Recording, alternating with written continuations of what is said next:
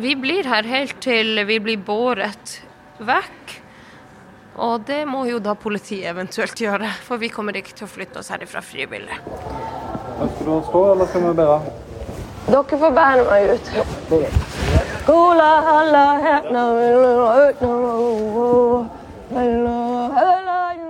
Natt til mandag ble popartist, skuespiller og aktivist Ella Marie Hetta Isaksen båret ut av Olje- og energidepartementet.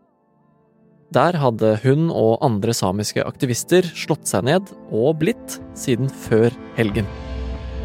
Utenfor departementet fortsatte protestene. Og etter hvert dukket også klimaaktivist Greta Thunberg opp, og var med på å gjøre protestene til en stor internasjonal sak. Dette er en internasjonell skam som ikke bare påvirker Norge, utan det, det er en global kamp for urfolksrettigheter som strekker seg over hele verden. Det de protesterer mot, er vindmølleparken på Fosen i Trøndelag.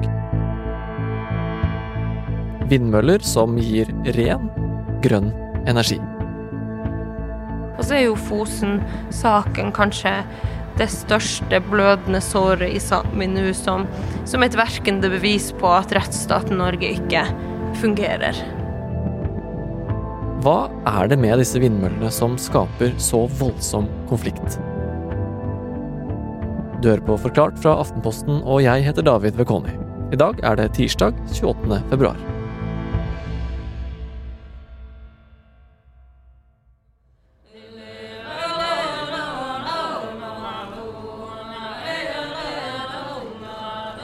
Jeg har engasjert meg for at den samiske kulturen skal leve siden jeg ble født. Jeg husker jeg var seks år første gang jeg liksom gråt over at, over at de samiske språkene er så trua som de er. Og så har jeg jo senere eh, forstått mer og mer hvor uløselig tilknytta vi er våre landområder, fjellene, skogene, elvene, havet.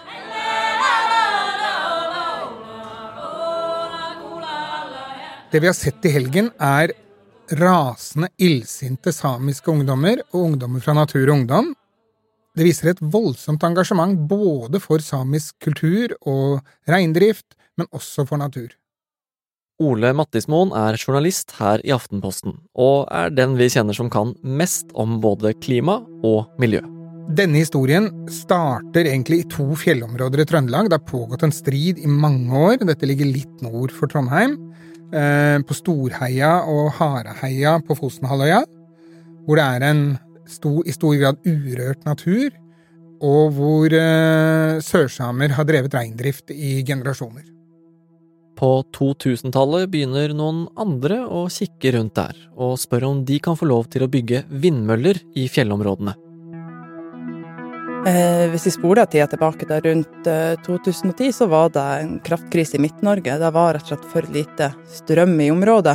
Det sier Elisabeth Sæther. Hun er statssekretær i Olje- og energidepartementet, de som har ansvaret for forvaltningen av energiressursene i Norge. Og det er ingen tvil om at eh, vindkraftverkene på Roan og Storøya var en del av de tiltakene som var viktige for å få nok kraft til Midt-Norge, sammen med utbygging av mer nett.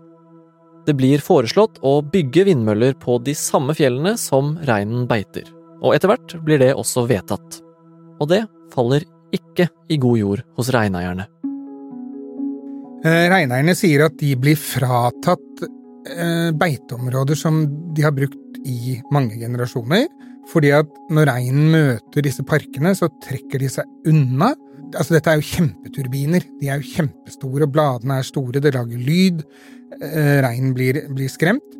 Og reindrift er jo en helt sentral del av, av samisk kultur.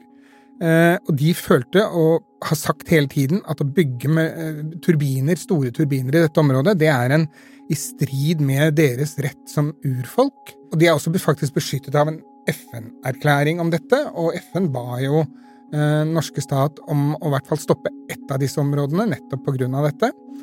Så gikk de til sak mot staten, og etter flere års runder i rettssystemet, så vant de altså i Høyesterett for 500 dager siden, og Høyesterett sa at dette var et brudd med samenes urfolksrettigheter. Og så går månedene. Og så går det ett år. Og nå er det altså over 500 dager siden det ble slått fast at statens vedtak om å tillate disse vindmølleparkene var ugyldig.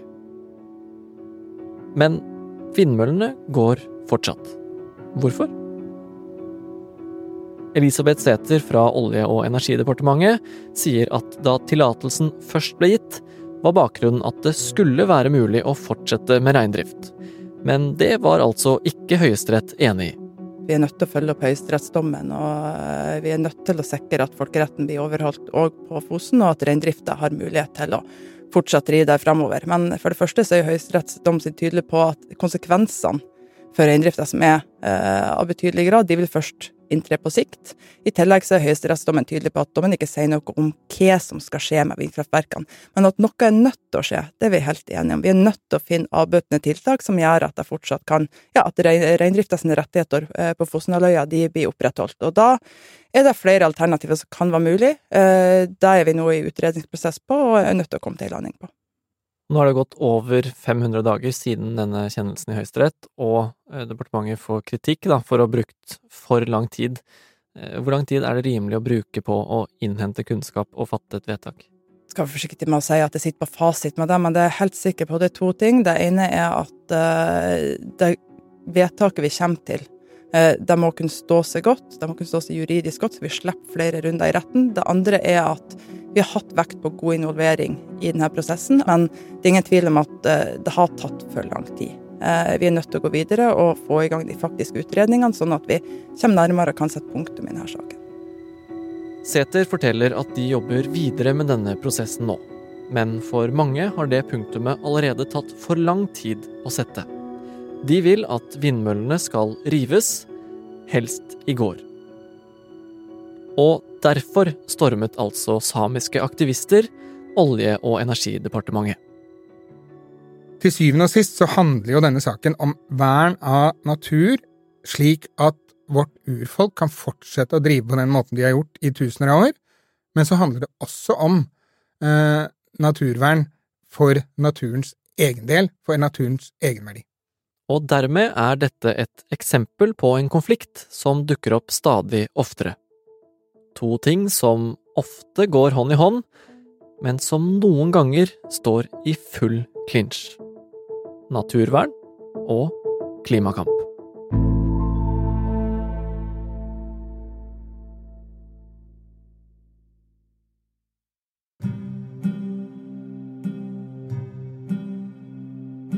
Verden har blitt enige om at vi skal bremse global oppvarming på 1,5 grader. For å få til det, så må i realiteten energibruken og energiproduksjonen i verden først og fremst legges mer eller mindre totalt om. Vindkraft er én av elementene som skal få til det. Solenergi er en annen, jordvarme, bølgekraft, eh, vannkraft osv. Alt dette må til for å erstatte fossile brensler, som er årsaken til store CO2-utslipp, økt drivhuseffekt og global oppvarming. Men den klimagevinsten utfordres av inngrep i naturen. De vindturbinene som bygges nå, det er ikke små, hyggelige vindmøller som vi hadde i gamle dager, eh, som står ved en elv og står og snurrer. Dette er gigantiske industriinstallasjoner. De er kjempehøye, 100-120 meter høye, enorme blader som suser rundt. De krever nærmest et lite industriområde rundt hver eneste eh, turbin. Eh, da vindmøllene kom, så sa man man skal bare sette en turbin her og en der, og så kan vi fjerne det når det ikke trenger dem lenger om 20 år. Disse områdene er preget og delvis ødelagt for alltid. Og i tillegg så er det da en effekt i drift. Og hva slags konsekvenser får det da for naturen? Hver gang vi bygger noe i naturen, så blir naturen mindre. Det blir mindre urørt natur tilbake. Det er den ene delen. Når turbinene er oppe og går, så snurrer de rundt, og, og funnet drøssevis av havørn, kongeørn, andre ørner, råfugler som, som, jo har en sånn De flyr oppover i en sånn spiral, flyter på vindene, og de tiltrekkes av vindene som skapes rundt møllene, og kapper av vinger og kapper av hoder. Samme gjelder for store ugler som hubro, for eksempel, og, og, og trekkfugler som kommer i flokker eh, om våren, om høsten, og som flyr gjennom disse områdene, og mange av dem blir drept. Men på den andre siden har du altså klimaendringene. Som også er en trussel mot både dyr og mennesker. Og der ligger altså konflikten. Hva er viktigst av naturvern og klimakamp? Det store paradokset er jo at gode klimatiltak, som vindturbiner, på land, vel å merke, ødelegger natur. Det er et kjempeparadoks. For klimaforskerne sa veldig klart fra for et drøyt år siden, til FNs klimapanel, at vi har ikke sjans til å bremse global oppvarming nok uten at vi samtidig stopper ødeleggelsen av naturen.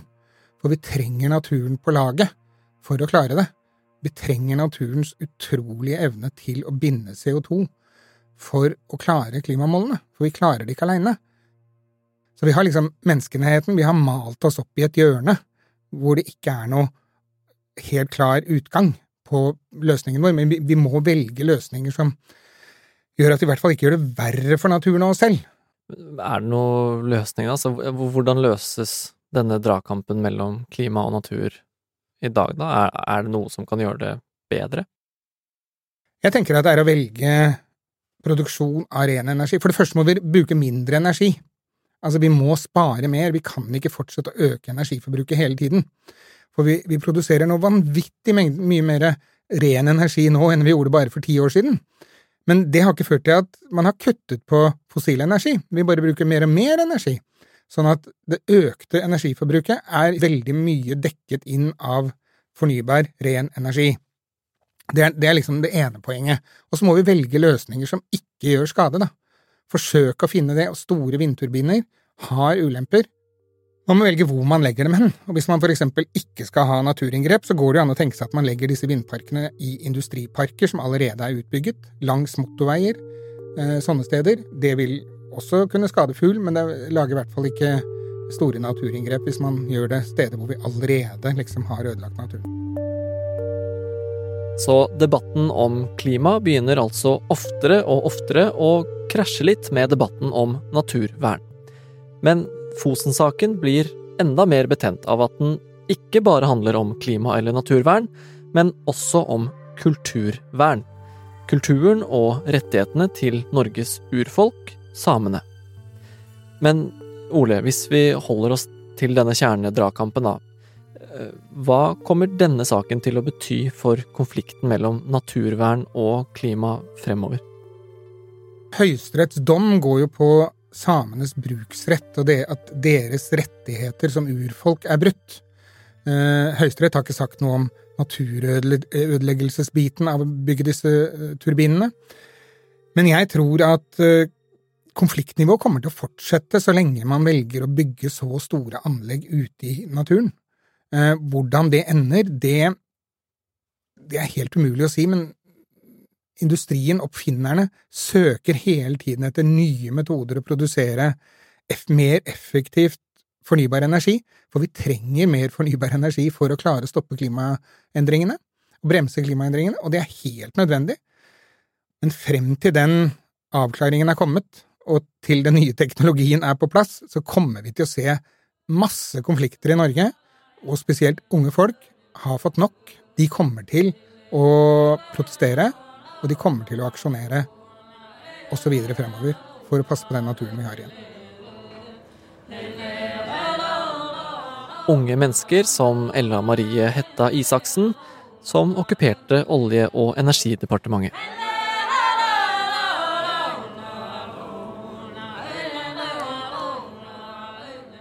Jeg føler at jeg lever og ånder for at den samiske fremtida skal være lysere og skal være lettere, og at mine barn, mine barnebarn forhåpentligvis skal slippe å bruke sitt liv og sin ja, fritid på å, på å aksjonere, okkupere departementet. Jeg vil jo at det samiske folket skal få leve i fred.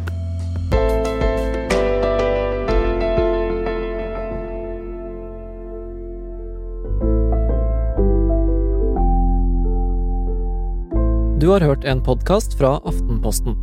Det var Ole Mattismoen som forklarte paradokset mellom naturvern og klima, og Ella Marie Hetta Isaksen og Elisabeth Sæther fra Arbeiderpartiet forklarte hver sin side av Fosen-saken. Du har hørt lyd fra Ella Marie Hetta Isaksen på Instagram. og ellers har vi tatt opp lyd fra demonstrasjonen selv. Denne episoden er laget av Jenny Førland, Trond Odin Johansen og meg, David Vekoni. Resten av Forklart er Synne Søhol, Philip A. Johannesborg og Anders Weberg. Og likte du det du hørte i dag, så husk at vi i Forklart kommer med en ny episode hver ukedag, der vi forklarer de viktigste nyhetssakene. Du kan høre oss akkurat der du vil, og det er helt gratis. Tips en venn om oss, da vel.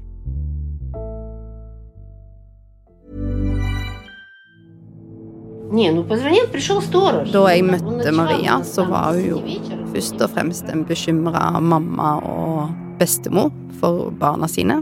Nå er hun blitt en ihuga krigsentusiast som er villig til å sende sønnene til krigen. Vladimir Vladimirovitsj Putin. Kan historien til en helt vanlig russisk familie gi noen svar på hvorfor så mange russere støtter krigen? Hør Putin og Maria, en podkastdokumentar av Aftenposten. Hør hele serien nå hos Podmy eller i Aftenposten-appen.